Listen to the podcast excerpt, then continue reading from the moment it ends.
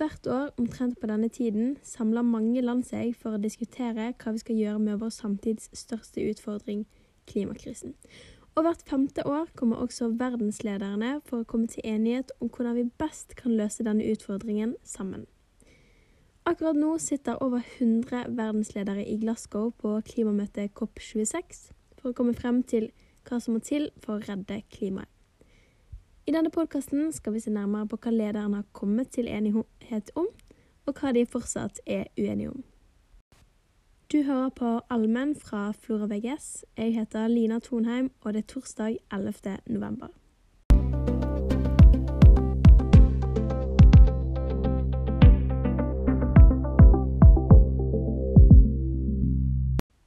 Ifølge Parisavtalen fra 2015 skal verdens land begrense den globale oppvarmingen så mye at temperaturen på jorden ikke stiger mer enn to grader over før industrielt nivå. Eksperter har fastslått at om temperaturen stiger mer enn det, vil det få fatale klimakonsekvenser for årene som kommer. Dessverre så er ikke kuttene FN har fått en innsikt i, tilstrekkelige nok, og dette er da bakgrunnen for det pågående klimatoppmøtet i Glasgow. Målet er å vedta nye og mer ambisiøse klimamål for å kunne redusere temperaturøkningen som vi ser akkurat nå. Ofte ender klimatoppmøtet ikke i fiasko, men heller ikke i suksess. Nå må det skje noe. Dette sier klimajournalist Ole Mattis Moen til Aftenposten forklart om klimakonferansen i Glasgow. Men har de i det hele tatt blitt enige om noe? Svaret er ja. Allerede 1.11 ble 100 land enige om å stanse avskoging. 12 milliarder dollar, tilsvarende 105 milliarder norske kroner, har blitt lagt på bordet for å beskytte og restaurere regnskoger frem til 2025. Sammen utgjør landene som har sluttet seg til avtalen, 85% av verdens skoger. Over 100 land har også blitt enige om å kutte metangassutslipp med 30% innen 2030. Det vil være vitalt i arbeidet for å stanse oppvarmingen. Metangass er en veldig farlig klimagass som bl.a. lekker ut fra gamle olje- og gassbrønner, og USA har lovt å ta grep for å stanse akkurat disse lekkasjene. I tillegg har mer enn 40 land blitt enige om å kutte og slutte med kullkraft. Også noen land som er helt avhengige av kullindustri, har erkjent at de ønsker å fase ut kull gradvis. Dessuten har en rekke banker, pensjonsfond og forsikringsselskaper lovet å flytte investeringer ut av olje, kull og gass, og heller over til fornybar energi.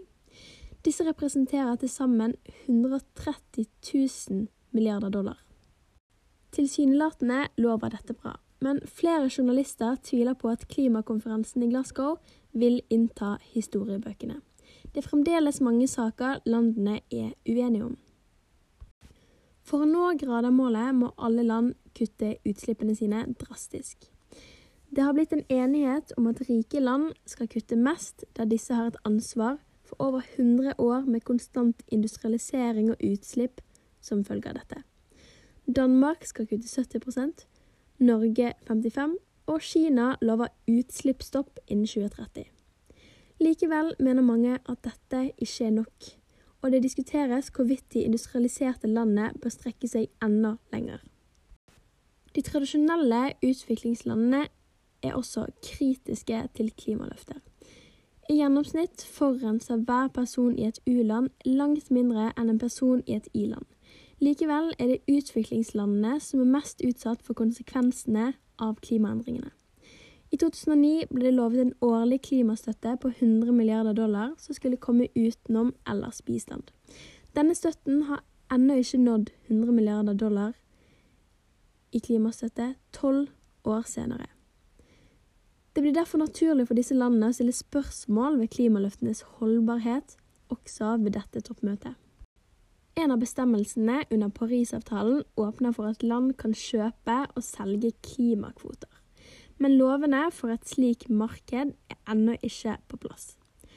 Norge leder nå forhandlingene om et nytt avtaleverk, men en av utfordringene er fire milliarder klimakvoter som ligger igjen fra Kyoto-avtalen.